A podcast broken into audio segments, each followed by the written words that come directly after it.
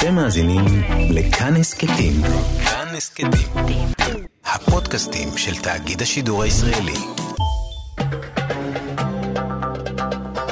גם כן תרבות. עם גואל פינטו.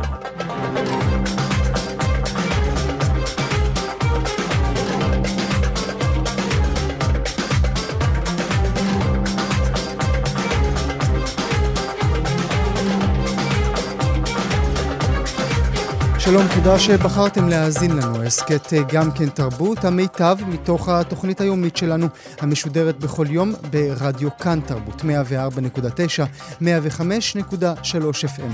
תהנו. גם כן תרבות. עם גואל פינטו. בכל בוקר, אתם יודעים, אה, מאזינות ומאזינים, אנחנו פותחים את תוכניתנו בספירת ימי השבי של אברה מנגיסטו. הבוקר ציינו 2,450 ימים לאותו יום ב-7 בספטמבר 2014, כאשר הוא חצה את גדר המערכת אל תוך רצועת עזה. ימי הלחימה האחרונים העלו במעט, ממש ממש במעט, את שמו של מנגיסטו לכותרות, בעיקר בגלל הופעות בתקשורת של בני משפחת הדר גולדין, שגופתו מוחזקת על ידי חמאס. חמאס, אבל גם זה מעט מעט מדי. עכשיו אנתולוגיית אה, שירה מיוחדת, אלפיים זריחות לשמש קוראים לה, וכולה משוררות ומשוררים למען אברה מנגיסטו, מתגעגעים וגם מכים על חטא. שניים איתנו, שניהם עורכי האנתולוגיה. שלום למשוררת ג'נט אה, בלאי, תודה שאת נמצאת איתנו הבוקר. אהלן, בוקר טוב, ג'אנט בלעי רק. בלעי, ג'אנט בלעי, סלחי לי, ושלום למשורר גיל אליאס.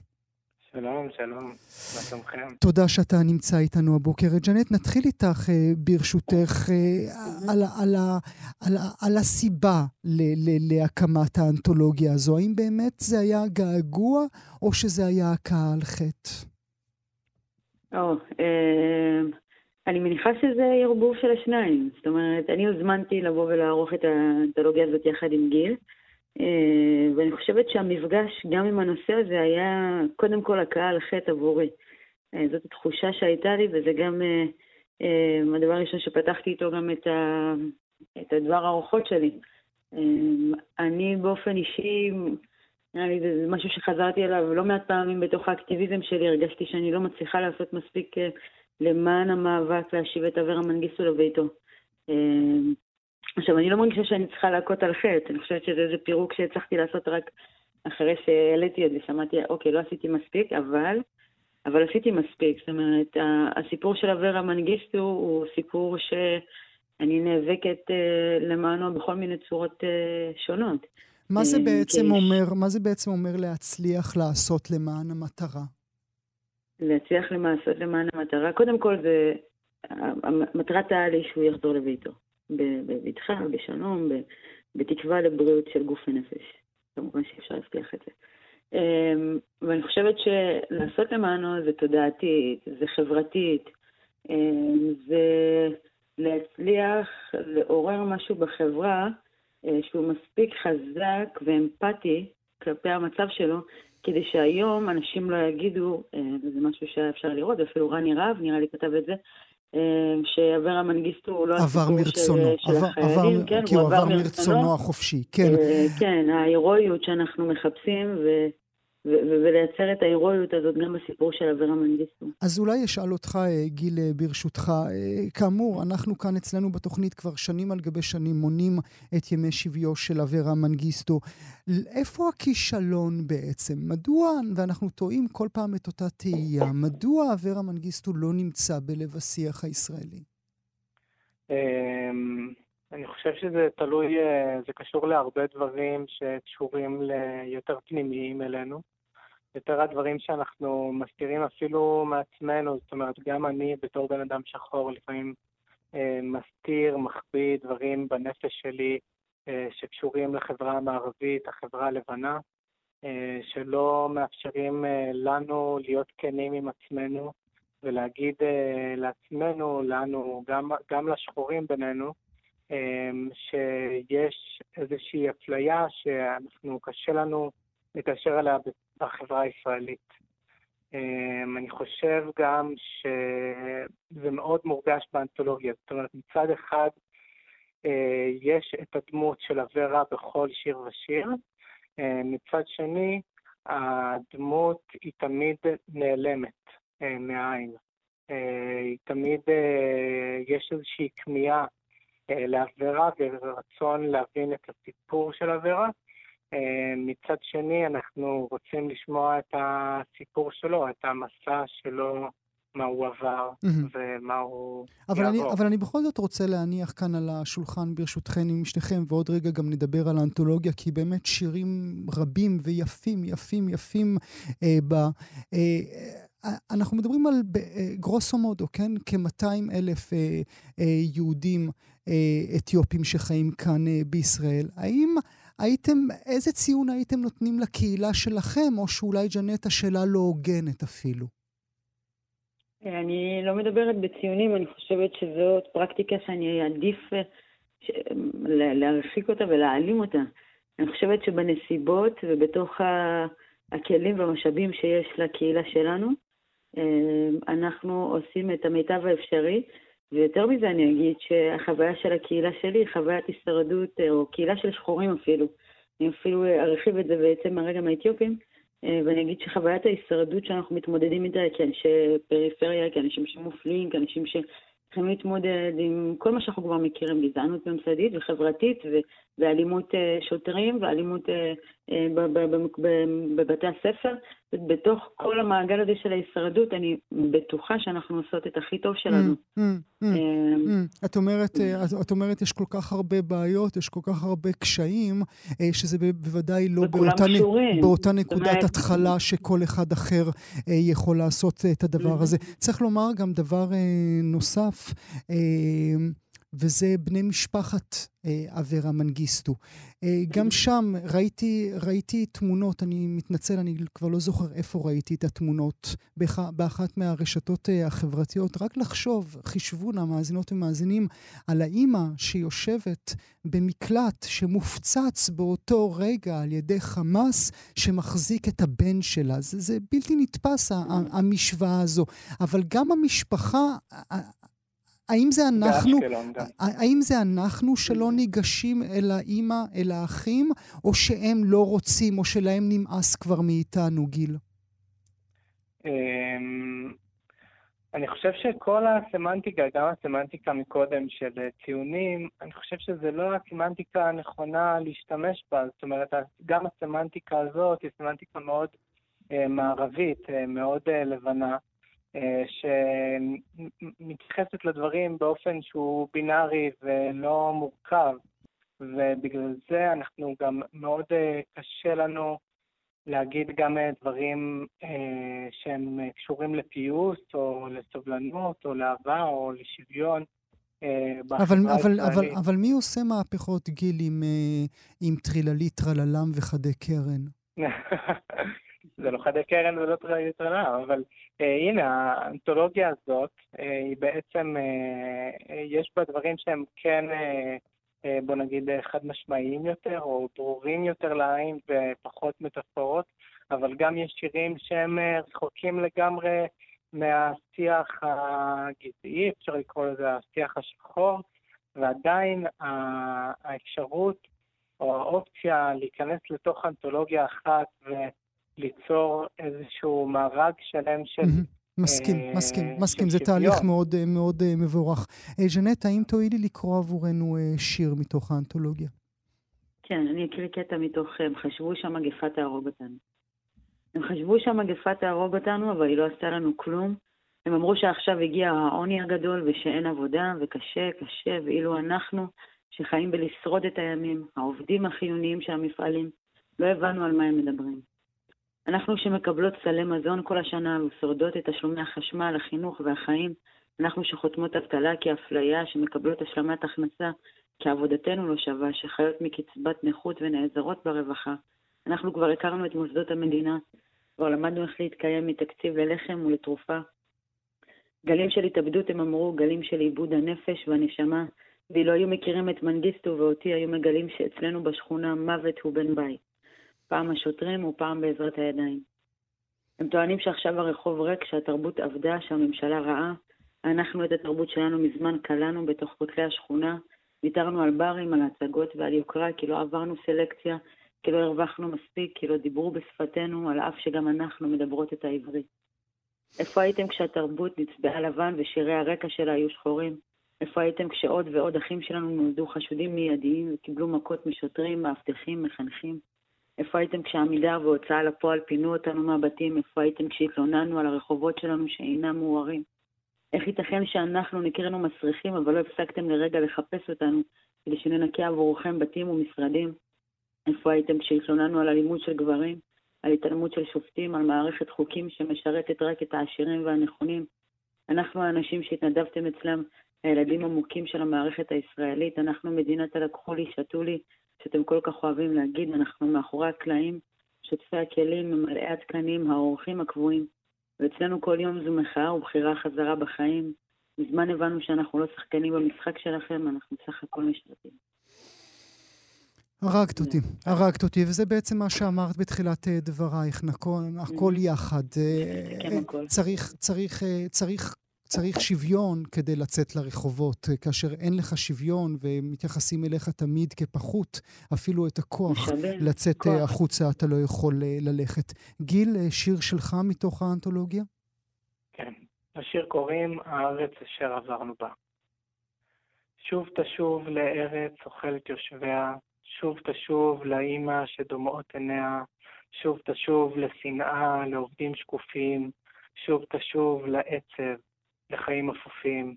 שוב תשוב, אני לא מוצא עבודה, שוב תשוב, זאת, תקווה עבודה, שוב תשוב לתפילה קטנה בלב, שוב תשוב, אהבה, אהבה כואב. שוב תשוב לפוליטיקאים גזענים, שוב תשוב לאנשים לבנים, שוב תשוב, אני לא מוצא עבודה, שוב תשוב, זאת עוד תקווה עבודה, שוב תשוב, אין לי אף תשובה, שוב תשוב, זאת מדינת אכזבה. שוב תשוב וזאת מדינת uh, אכזבה. באמת כחוט השני, התמה הזאת עוברת לאורך כל uh, שירי האנתולוגיה. אני רוצה מילה לסיום uh, משניכם, ברשותכם, אם תואילו להתייחס. עד, עד, כמה, עד כמה עוד אפשר uh, לאחות את הקרע uh, בינינו? אני, אני חושבת שאני רוצה על זה. אני חושב שהכל קשור הזדהות. אם אנחנו נזדהה אחד עם השני, מול, אחד מול השני, אם נבין את הסבל אחד של השני, גם של uh, כל השחורים באשר הם, uh, ככה אנחנו באמת נוכל להגיע באמת לעמק השווה ביחד. ג'נט? כן, זה... חברה פעם אמרה לי שאחד הדברים שהכי קשה לנו לעשות זה להיכנס לנעליים של האחר, האחרת. אה, וכן, אני חושבת שאני מאוד מסכימה עם מה שגיל אמר. ההזדהות, הכניסה לנעליים של האחרת, האמפתיה המאוד גדולה שאנחנו צריכים לגלות כולנו, והרגע להוריד את עצמנו בשביל האחר, מי שיכול, איפה שיכולה. אז אה, הקרע הזה, אני, קשה לי לראות אותו כרגע מאוחה. איפה אפשר, אה, נאמר למאזינות ומאזינים, איפה אפשר לקרוא, לראות, להשיג את האנתולוגיה, את אלפיים זריחות לשמש?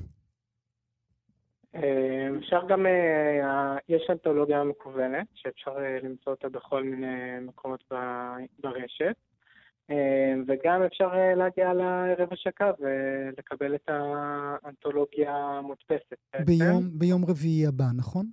ביום שני. אה, יום שני. רביעי, רביעי. בשני לשישי. אז זה יום רביעי, צדקתי, אוקיי. ביום רביעי, השני לשישי, בשעה שבע בבאר שבע. מסעדת כלל. אלפיים זריחות לשמש, חפשו את זה כמה שאתם יכולים, משוררות ומשוררים למען אברה מנגיסטו, ואנחנו כאמור מאזינות ומאזינים לא נפסיק למנות את ימי שביו. ג'נט וגיל, תודה רבה לכם שהייתם איתנו הבוקר. תודה לך. גם כן תרבות. עם גואל פינטו. והנה אנחנו עוברים מיד אל הנושא הבא שלנו. החל מהשבוע בצרפת, כל אזרח שמלאו לו 18 יקבל מהמדינה שובר מתנה בסך 300 אירו. מה הוא יוכל לעשות עם השובר הזה? רק לצרוך תרבות, רק תרבות. הוא יוכל לנצל את הכסף לצפות בהצגות, לבקר בסרטים ובמוזיאונים, לרכוש מוסיקה וספרים, אפילו לקחת שיעורי מוסיקה. תנאי נוסף שהתרבות תהיה תוצרת צרפת. המתנה הזו היא חלק מהבטחת הבחירות של נשיא הרפובליקה עמנואל מקרו. היא כבר נוסתה במשך שנתיים, פיילוט נערך, ההצלחה רבה. ביקשתי מתושב צרפת, נדב בסן, שצייץ את הדברים בטוויטר, לדעת מה העלה הפיילוט, מה מלמדים המספרים, מה מספר, מה מספר הסטטיסטיקה. התשובה חלקית, בעיקר בגלל שאנחנו בשנת אה, קורונה ובתי קולנוע כמו התיאטרונים אה, היו סגורים, אבל רוב ההוצאות על פי הפיילוט היו דווקא על ספרים. הפתעה רבה.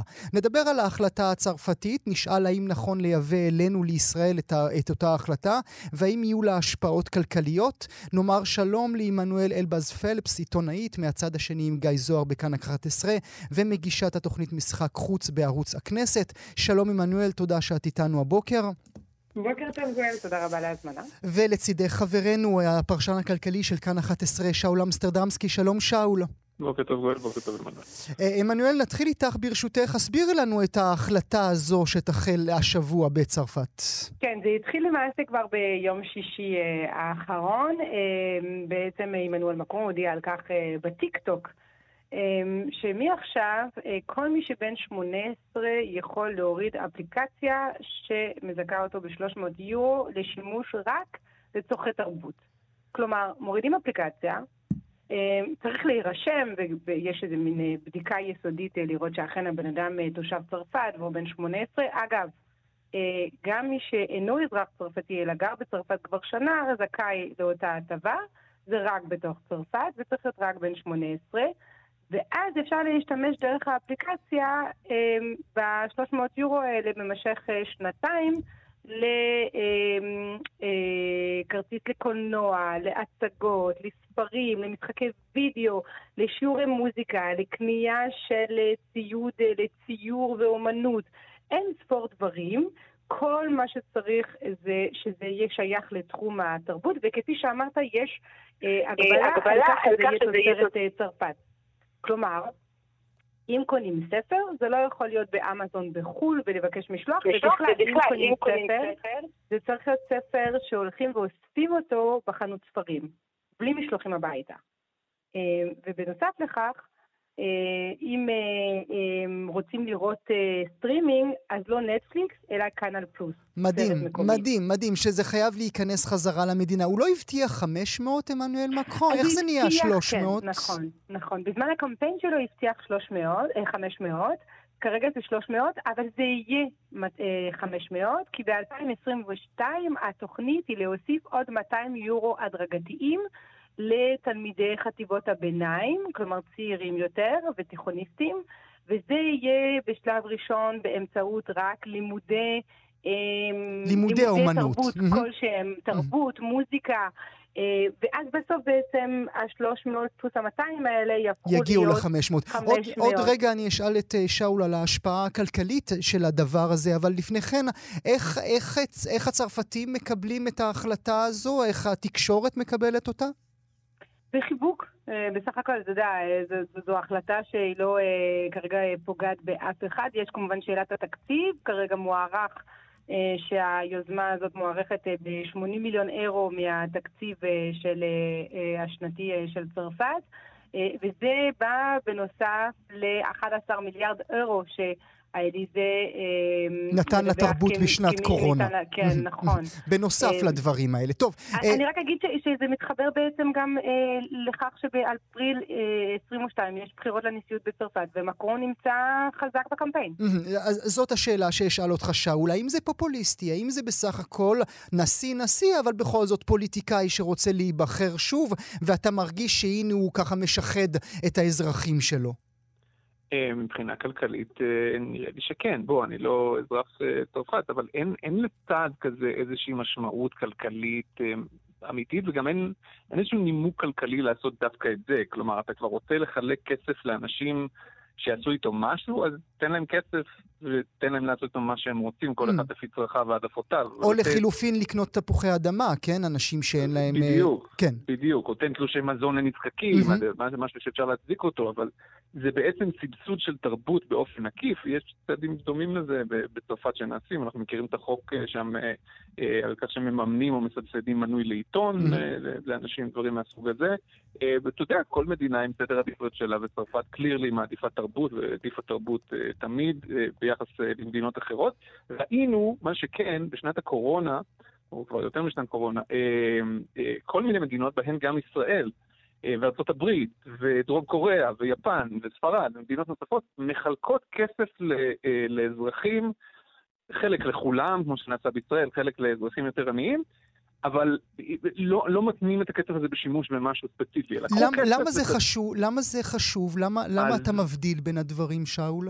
כי כי כשאתה נותן כסף צבוע, מה שנקרא, שיש לו רק אה, מטרה אחת, אתה בעצם מסבסד את אותו דבר. אתה מסבסד פה את עולם התרבות, או מסבסד ספרים, אם היית נותן כסף בשביל mm-hmm. לקנות ספרים, שאתה בעצם מסבסד תעשייה מסוימת, שאתה נותן כסף באופן כללי ואומר, אני לא שואל שאלות, תעשו איתו מה שאתם רוצים, אז לפחות התיאוריה של אנשים שמאמינים בצד כזה, אתה אומר, אתה נותן לאנשים למשל אורך נשימה, אם הם נמצאים באבטלה, אתה נותן להם קצת כסף ואורך נשימה בשביל למצוא עבודה, כי יש להם כסף לצרכים הבסיסיים שלהם, המיידיים שלהם, משהו כזה. ואגב, כל מיני מחקרים קטנים שנעשו על הצעדים האלה בשנים האחרונות מראים שבאמת מתן כסף בלי לשאול שאלות, לפחות במקרים מסוימים, סייע קצת להוריד את האבטלה, סייע קצת לאנשים אה, לצאת מעוני. אנשים לא משתמשים בכסף הזה בשביל לקנות אלכוהול וסמים, כמו שהרבה אנשים אה, חשבו. כן, היו הרבה אנשים כאלה. בישראל למשל, כש, כשהמדינה חילקה את הצ'קים האלה לכל אזרח, אה, המחקר המלווה שנעשה בעקבות זה הראה שרוב הכסף שימש להקטנת המינוס. ותשלומי, אתה יודע, ארנונה וכל מיני דברים כאלה, וחלק קטן מאוד שימש לצריכה שוטפת. אז כל מדינה, אני חושב, עם, ה... עם העדפות שלה, ושוב, יש פה, הזכרתם בעצמכם, יש פה נשיא שהוא כבר בתוך הקמפיין, לדעתי זה ההסבר העיקרי. אבל צריך, צריך לשאול, עמנואל, אולי לא לשאול, אלא אולי להוסיף קומה מעבר, ל, מעבר ל, לשיח הכלכלה שאותו שאול עושה עבורנו. צריך לומר, צרפת תמיד הייתה בעד תרבות, וגם צרפת מבינה שהאמריקניזציה משתלטת על גבולות, אה, על גבולות הרפובליקה, ואולי זו עוד שיטה להזכיר לאנשים שיש גם תיאטרון מצוין בצרפת, ויש מוסיקה צרפתית מצוינת, וזה שיח על תרבות, לא שיח על כלכלה בעצם. נכון, גם צריך uh, להזכיר שהיוזמה הזאת היא באמת הייתה קמפיין, uh, שהיא הייתה תחת בחירות של מקרון כשהוא נבחר, כלומר היא לא קשורה לקורונה uh, ביסוד שלה. עכשיו היא באה לתרום גם לשיקום התרבות אחרי הקורונה, כי בעצם אפשר להזרים חזרה כספים לתוך האגף הזה שנפגע, אבל... אבל זה נכון, זה, זה מחובר לתרבות באופן ישיר. אה, אגב, אה, זה לא סתם אה, מכוון ל-18 ולצעירים. הרעיון הוא באמת לקרב את הצעירים לתרבות הצרפתית. מקרון נורא מאמין בזה. מקרון אוהב היסטוריה, הוא, הוא אוהב תרבות, הוא אוהב תיאטרון והופעות. וזה מעניין מאוד לראות שבאמת מי שכבר השתמש בפס הזה, זה היה פיילוט שנמשך במשך שנתיים ב-14 אזורים בצרפת. אז, אז הרוב באמת השתמשו אה, בכך אה, לקניית אה, ספרים. שזה הפתיע אותי נורא, עמנואל, כן. כאשר, כאשר נדב שלח לי את הנתונים. זה הפתיע אותי נורא, כי הייתי חושב אולי באופן טבעי שליום הולדת 18 אני לא אקרא את סלין, אני, אני אאזין למוסיקה. אה, נראה לי, זה היה נשמע לי הגיוני שדווקא מוסיקה ירכשו עם הפס הזה. כן, היית חושב אולי שיעשו מנוי לדיזר ולא לספוטיפיי, כי אגב ספוטיפיי זה לא צרפתי, mm-hmm. אז, אז, אז זה, לא, זה לא מתאפשר. אבל uh, um, צריך uh, לציין שהיינו בשנת קורונה, בהתחלה בצרפת המוזיאונים וההצגות... Uh, סגורים? בהתחלה היו פתוחים, הבתי קולנוע וההצגות, ואז, ואז זה סגר. אמ, אז, אז קצת אה, אי אפשר באמת להבין את המספרים עד הסוף, צריך לראות, יהיה, צריך יהיה בשנה לראות נורמלית. מה, בשנה נורמלית מה קורה. אבל מה שכן, דבר עוד מאוד, דבר מעניין מאוד שיש לאפליקציה הזאת, זה שהיא אמורה לפעול עם אלגוריתם הפוך כזה שיציע לך בעצם דברים שלא היית נחשף אליהם באופן טבעי בעצמך, שהם לא אמורים להיות בתחומי העניין שלך. ומי שמשתמש באפליקציה כבר מדווח ש... אה, נגיד בפעם הראשונה הלך למוזיאון, Aha. בפעם הראשונה הלך לתערוכה, אנשים שלא נהגו לעשות זאת קודם, זאת אומרת, זה אמור לחשוף את המשתמש אה, לתחומי תרבות שהוא פחות אה, מכיר או מתחבר באופן טבעי. מעניין. אז, אז שאול, אני שומע את הדברים שעמנואל אומרת, אני קורא את הדיווחים בעיתונות הצרפתית, ואני מקנא נורא, ואולי זה המקום שלך להגיד שהראש שלי בעננים ורק רוח מעניינת אותי, ולכן אני לא שם לב באמת לדברים החשובים. תראה, שוב, זה עניין של סדרי עדיפויות של חברה, של סוסייטי. בצרפת תחום התרבות נמצא גבוה בראש סדר העדיפויות. הם מסבסדים תרבות בכל מיני דרכים אה, שבישראל לא. אה, אבל אה, אתה יודע, אם זה חשוב לך, זה המקום שלך גם כעיתונאי וגם כאזרח בשביל לפעול אה, לשנות את סדר עדיפויות אה, מקומי, לא?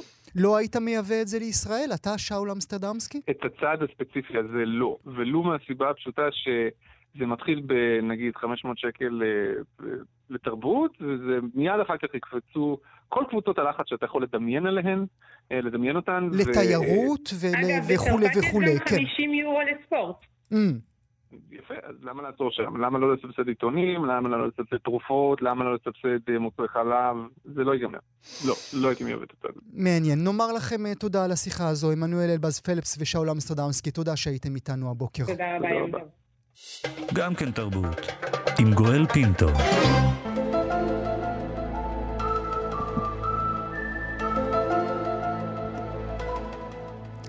למה אנחנו משמיעים לכם את הנעימה ה-כה מוכרת הזו מתוך ה X אה, Files? כי אנחנו עוברים אה, לנושא הבא שלנו ואנחנו שואלים, וזו שאלה רצינית, אני מבטיח לכם שזו שאלה רצינית.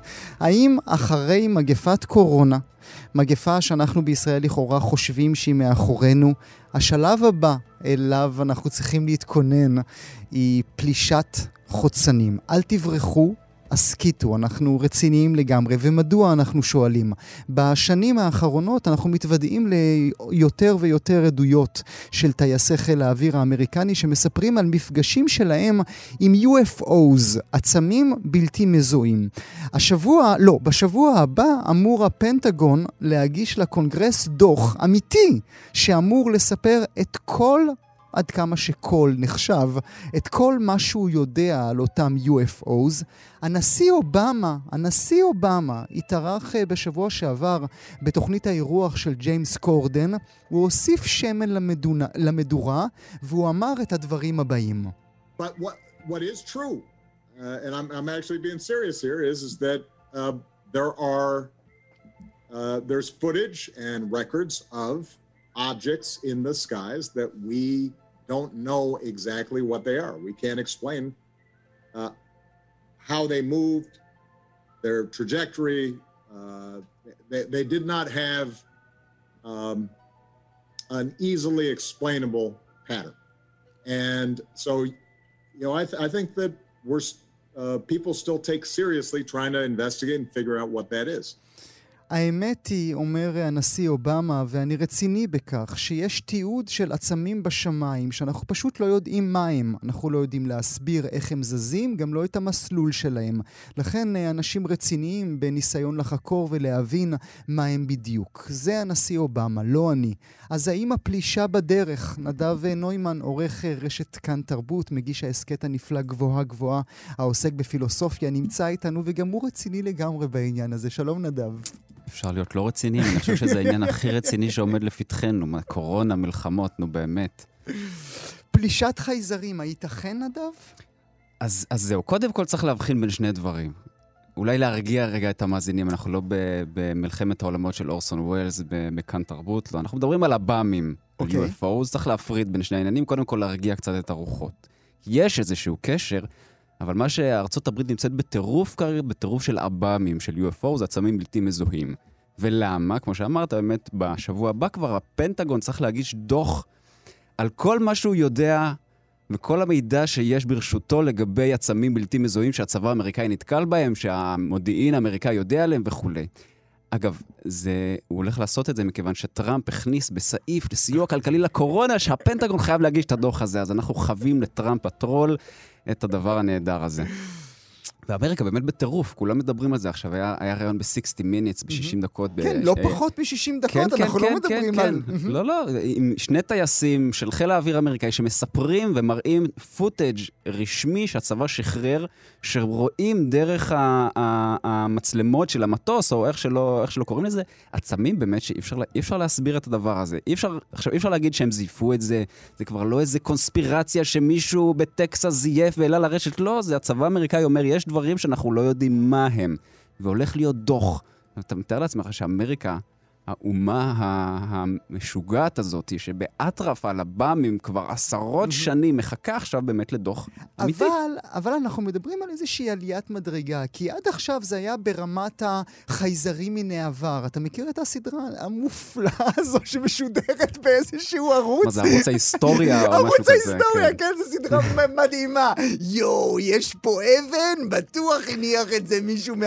אני מת על הסדרה אני הזו. לא- אני לא הייתי מזלזל כל כך זהו, אבל בסדר. אז זה היה ברמת הווירדוז עד עכשיו, אבל הנשיא אובמה עומד מול המצלמות ואומר, כן, יש UFOs, או יש עצמים שאנחנו לא יודעים לומר מה הם, אנחנו כבר, זה סיפור, זה, זה משחק כדורגל אחר לגמרי. אז למה אני אומר לא הייתי מזלזל כל כך ביש פה איזה פירמידה, אולי חייזרים הניחו אותה? התרבות האמריקאית היא מבוססת עד הכתפיים במוזרות הזאת. היא מתה על זה. יש ענף שלם שנקרא אה, יופולוגיה, כיופולוגי. Um, המוזרות הזו של עיסוק בביג פוט, וברוחות רפאים, ובשדים, ובחייזרים, ובעב"מים, זה משהו שהתרבות האמריקאית כבר איזה 200 שנה מאוד עסוקה בו. זה שעכשיו אובמה מדבר על זה, לא הייתי מנתק את זה. זה חלק מאותו סיפור שכבר האמריקאים מתעסקים בו כל כך הרבה זמן. אבל אתה אומר לי שיש יותר מזה, שיש כאן משהו פסיכולוגי אה, שקשור אלינו, בני האדם. נכון. אז אם, אם אה, אה, נלך קצת אחורה, בניסיון להסביר מה הם העב"מים האלה, שאולי הם קשורים לחייזרים, ואולי לא, את זה אנחנו אולי נגלה ואולי לא. קרל יונג, אחד הפסיכולוגים המיתולוגיים והמוכרים וה- ומי שביססו את התחום הזה, הוא בשנות ה-50, בשיא הפריחה של תצפיות העב"מים באמריקה, שזה באמת אז היה אה, טירוף מוחלט, הוא אמר, בוא נראה למה אנשים חווים את הדברים האלה. הוא לא שאל האם אה, יש חייזרים, האם יש עב"מים, האם התצפיות האלה? אמיתיות, אלא למה אנשים רואים את הדברים האלה, למה, מה קורה שם. והוא הוא הביא לנו את, את התיאוריה של התת-מודע הקולקטיבי. הוא אמר, כל סמל שאנחנו רואים במציאות, איזשהו ארכיטיפ, הוא ראה את הצלחות המעופפות המדהימות האלה בשמיים כאיזה ארכיטיפ, הוא אמר, זה משהו שמשקף תנודה פנימית. איזה משהו שקשור לנפש שלנו. עכשיו, מה קרה בשנות ה-50? היה המלחמה הקרה, המסע לחלל, הפלישה הסובייטית לארצות הברית שאימה, היה איזו תקופה מאוד מתוחה ומאוד מאיימת, ותצפיות העב"מים התרבו. אז הוא אמר, יש פה איזו שאיפה לשלמות. אנחנו חושבים על הצלחת המעופפת המושלמת Mm. הזאת, שנעה בצורה מושלמת, משהו שבני אדם לא יכולים לעשות. הוא אומר, זה, אה, זה ביטוי לרצון בנפש האדם לשקט, לשלווה, להרמוניה. והוא אומר, זה לא שונה, למשל, מבתקופות קודמות שאנשים ראו את מריה בשמיים. או שלשם שינוי, אה, ו- וכל ה... כן, עם כל ההסתייגויות, אה, בתרבות שלנו היהודית עושים הפרשת חלה ורואים בחלה את מה שהנפש רוצה לראות. זה, זה דומה. המשהו הזה שיבוא ויציל אותנו מ- מהכאוס בו אנחנו כולנו נמצאים. אז מה עכשיו? עכשיו זה קורונה? אתה מחבר לי את זה, אז, אז uh, מלחמה קרה, היום קורונה, כולנו רועדים, אנחנו רוצים שמשהו יקרה איתנו? יכול להיות. אז באמת יש, המיתולוגיה הזאת של האב"מים, תמיד זה, הם או באים להציל אותנו מעצמנו, או באים אה, אה, להציל את העולם, אה, איזשהו משיח שיבוא מבחוץ, או איזה יום הדין, איזה משהו נוראי שבא להשמיד אותנו. זה שני כתבים כאלה מנוגדים. והיום באמת אנחנו בתקופה מאוד מתוחה, מגפה עולמית, מלחמות, פליטים, משבר האקלים שבהם להשמיד אותנו. זאת אומרת, אנחנו באמת בתקופה, אנשים, אה, בדיוק ראיתי היום בטוויטר שאנשים כתבו שגם אתם לא ישנתם הלילה? אני יודע שכולם לא ישנו הלילה, כולם נהיים חולים. העולם, העולם במתח. עצום. ויש יכול גם, להיות. ו, ואני רוצה בכל זאת, אה, הבדלנו, ובצדק רב, בין UFOs לחז, לחייזרים. זה שני דברים ש, שונים לגמרי. אבל גם מה-UFOs יש חשש? מה זה הדבר הזה? הנה הוא הולך להפציץ אותנו? הנה הוא הולך להשמיד אותנו? אז יש אנשים שאומרים, זה בטוח עדות לזה שחייזרים באים באמת בצלחות מעופפות, אבל אנשים אומרים, לא יודע, אולי זה הסינים? עכשיו, גם Mm. הסינים זה דבר לא פחות מפחיד מבחינת Mm. האמריקאים. אולי יותר. זה הזר המוחלט, החיצוני, שיודע דברים שאנחנו לא יודעים, והוא גם יכול להיטמע בנו. יש לו כלי טיס... אה, שאנחנו שעוד- לא מכירים, שאנחנו יודעים איך הם הולכים קדימה ואחורה. כלומר, בין אם זה חייזרים מבחוץ ובין אם זה חייזרים מבפנים, הדבר הזה הוא, הוא, מרעיד, מרעיד היום את התרבות האמריקאית בצורה חזקה. תת-מודע קולקטיבי. נדב נוימן, ליאוני גרף, תודה שהיית איתי הבוקר. גם כן תרבות. עם גואל פינטו. אתם על גם כן תרבות, מגזין התרבות של ישראל, כאן אצלנו ברשת כאן תרבות. נעבור עכשיו אל הנושא הבא שלנו, ואנחנו מגלים לכם בו אוצר. אוצר שהתגלה לאחר 30 שנים שהיה מוסתר, ושמהרגע שהעולם נחשף אליו, ביוטיוב כמובן, איפה עוד מוצאים אוצרות בעולמנו אנו, צפו בו כמעט כבר שני מיליון בני אדם. אנחנו מדברים על גרסה רוסית שהופקה בשנת 1991, לפני 30 שנים, לשר הטבעות של טולקין. גרסה שמאז שצולמה איש לא צפה בה, עכשיו, כמו שאמרנו, במעשה פלא היא פתאום עלתה לרשת, פתוחה לכולם, והעולם משתגע. ביקשנו מהמשוררת והמתרגמת ריטה קוגן שתצפה בו עבורנו 50 דקות אורכו. נדמה לי שגרמנו לה גם ללכת קצת בשביל הזיכרונות הפרטיים שלה. ריטה, בוקר טוב, תודה שאת איתנו. בוקר טוב, גואל. שמחה רבה שצפית, אני מודה לך על כך, ושמחה רבה שאת נמצאת כאן איתנו. מה ראית? זה גרסה של מה? אמ, בעצם זוהי הצגה, הצגת ילדים, אמ, שהוסרטה, וצריך לזכור את זה, והאמצעים הם אמצעים מאוד דלים, וה... כל, ה, כל ה vibe הוא הצגה, לא, לא, לא סרט, לא קולנוע. וזה בעצם אה, אה, הצגה של, של כמעט שלוש שעות, יש שם שלושה יוטיובים, אחד אחר השני, אה, שמעלים אה, את החלק הראשון של הטרילוגיה של שר הטבעות. החלק הראשון זה חשוב, זכרו רגע את המשפט הזה של כן, ריטה. זה חשוב החל, מאוד, הוא חשוב, זה, ל, חשוב כן. מאוד להיסטוריה הרוסית, אנחנו נגיע לזה אה, בעוד אה, רגע. היכן זה שודר לפני 30 שנים? לא, לא שודר, סליחה, תיקנת אותי. היכן זה הוצג לפני 30 שנים? אמ, בעצם זה התחיל הרבה קודם.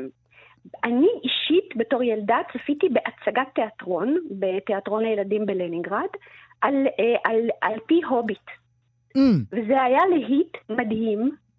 אה, אני עד היום זוכרת את זה כחוויה מופלאה ומסתורית וגם אה, עם קורטוש של אימה. ובעצם ההצגת המשך הזו אה, נולדה מתוך הוביט. mm. השחקנים הם שחקני תיאטרון. אה, שאת מכירה מי מהם? הם, הם אה, כאלה אני שהפכו לגדולים עם, הח... עם השנים? כן, אני אישית פחות מכירה, אבל אמא שלי כן. אוקיי, שאלת את אימא, זה טוב, אוקיי. כן, אה, את אה, בילבו אני מכירה. כלומר, זה ששיחק את בילבו, שחקן מדהים. אה, ו- ומשם זה, מש- מהצגת הוביט בעצם נולדה גם ההצגה ה- של שר הזאת. הטבעות. עכשיו זה... שר הטבעות הם קוראים לה הנוטרים, השומרים, כן? כי אנחנו נדבר תכף על, ה- על התרגום הרוסי של החלק הראשון. הם מאוד מאוד נאמנים לתרגום האיקוני הזה שנעשה. התרגום ההוא, הראשון של חלק כן, א' של שר. הראשון, וכמו כן. שהבטחת, אנחנו אכן נדבר על זה אה, עוד רגע, אבל עוד לפני כן. כשאנחנו חושבים שר הטבעות, אין מה לעשות, אנחנו חיים בעולם אה, אה, ויזואלי, כן? אנחנו חושבים שר הטבעות, אנחנו כבר לא חושבים על הספר, אנחנו חושבים על פיטר ג'קסון. עד כמה זה דומה לפיטר ג'קסוניות? אה, לא, אז כל מי, ש... כל מי שמבקש לצפות בזה, אני מבקשת אה, מראש. לשכוח, לנסות לשכוח. לשכוח, כולנו לשכוח. היינו רוצים לשכוח מהגרסה הזאת. לחלוטין, לשמוט לרגע את העיניים המערביות, השבעות שלנו, עמוסות דימויים ו-CGIים, לשמוט את זה, לשכוח מזה.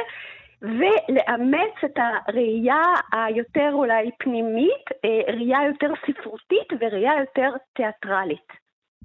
שמה, שזה חושבת- קצת האח- האחים גרים? יותר, יותר לכיוונים האלה? כן, זה יותר הצגת ילדים, ואם יש יוצר קולנוע שאני יכולה ככה אה, לשאול מעולמו, אז הייתי חושבת דווקא על מישל גונדרי. מישל הצרפתי. גונדרי ש... החלומות כן, שלו בדיוק. כל הזמן, כן. כן, שהוא לוקח את החומרים, את החומרים הכי בסיסיים, את החפצים הכי יומיומיים, ומתוכם יוצר איזשהו עולם אה, רווי דמיון, רווי מסתורין וגם רווי אימה. Mm, אימה, אימה, זה משהו שתמיד אה, באגדות הישנות אה, מאוד דובר אה, לילדים עצמם. תני לי ברשותך, אנחנו חוזרים 30 שנים אחורה, או אפילו אל ילדותך שלך, את מעמדו של טולקין בתרבות הרוסית. אז uh, הספר הראשון uh, יצא לאור ב-1983. יש לי את הספר הזה מאז, אני חושבת שאני קראתי אותו בגיל ממש צעיר, 8-9. Uh, קראתי אותו מאות פעמים, אבל בעצם שני הספרים הנוספים לא יצאו לאור. אני חיכיתי עד 1991, כלומר שנה, כשנה אחרי שעליתי לארץ, כדי לשים את היד על שני הכרכים הבאים. כלומר, הייתה לי... כמה שנים היית צריכה לחכות בין כרך א' לכרך ב'? המון, המון. אז מבחינתי הספר הסתיים באמת במפח נפש, וזו ציפייה של, אה, של המון שנים. תגידי לי למה לא. למה לא תורגם בעיות מה, מדינתיות? למה... כן, כן, בעיות צנזורה לחלוטין. כן, בעיות צנזורה. אגב, מי שתרגם את שני, את, את, את, אה, הספר הראשון הוא... היא רגע, רגע, אני, סליחה, אני עוצר רגע. כן. אני חושב על הילדה הקטנה, עלייך, הקטנה. איך את מצליחה לקרוא בעברית שנה אחרי שאת מגיעה אנגלית, ארצה, ועוד את אנגלית. שר הטבעות? אה, אנגלית. אנגלית. אני הכרתי אה, נער בגילי, אה, שהוא היה אה, בן אה, לעולים משנות שנות ה-70, והוא גם הריץ את טולקין, זה אחד הנושאים אה, שחיברו בינינו, והוא... אה, אה, ממנו אני מקבלת אה, בהשאלה את שני הכרכים, ואני קוראת אותם עם מילון אה, אנגלי-רוסי, וזה בעצם אחד הדברים... וככה, ה- וככה צלחת את היצירה של טולקין. זאת אומרת שאת גומרת לקרוא בתחילת שנות ה-80 את עלילות פרודו, ואת לא יודעת מה קורה איתו, את לא יודעת אם הוא אני לא מצליח. יודעת כלום. אני לא יודעת אם הוא חי אפילו. מדהים. לימדת אותנו משהו לגבי התרגום. לא קוראים לו פרודו ברוסית? קוראים לו פרודו, אבל שני המתרגמים שעסקו בתרגום הספר הראשון, אגב, היה להם המון המון שנים לתרגם אותו, אז הם שאיפו אותו לרמ, ל, ל, לרמה של, של יהלום. הם עשו מעט התאמות, במיוחד של שמות, לשפה הרוסית.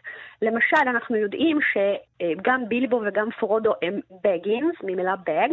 אני כל חיי ידעתי שקוראים להם טורבינס, ממילה טורבה, שזה בשפות סלאביות, רוסית, אוקראינית, זה מין שק גדול. אני מת על זה.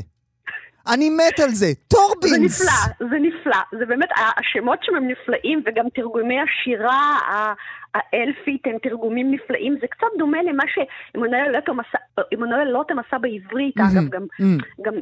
וזה תרגום שהוא אייקוני. אני הרצתי אותו, אני חושבת שחלקים אני זוכרת בעל פה.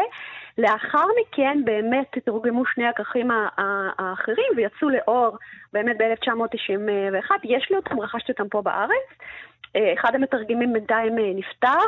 אה, המתרגם השני, אגב, הוא מתרגם גאון מאנגלית, הוא תרגם מהנרי, סקוט פיג'רט ופוקנר. זה אנשים ש... שה... תרגום אה, ש- של זו הספרות האנגלית שלהם. הגבוהה, זו זו- האמנות זו שלהם, האמנות כן. שלהם. מילה לסיום ברשותך, ריטה.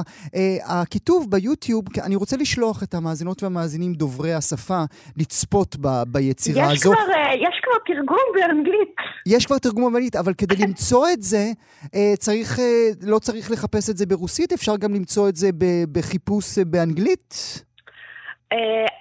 בואו נראה מה אפשר, מה צריך לעשות. לא, אה, צריך לכתוב... אני חושבת שכדאי לכתוב טולקיין ברוסית, לראות באיך, איך כותבים על זה. אוקיי. ולחלק הראשון קראו ברוסית חרניטילי. חרניטילי זה הנוטרים. כלומר, הם חבורה, הם חבורה ששומרת על הטבעת. אז רשמו לכם שם, אם אתם דוברים את השפה ורוצים... זה- חרניטילי. חרניטילה וטולקין. ריטה קוגן, לעונג רב, תודה שהיית איתי הבוקר. תודה רבה. בוקר טוב.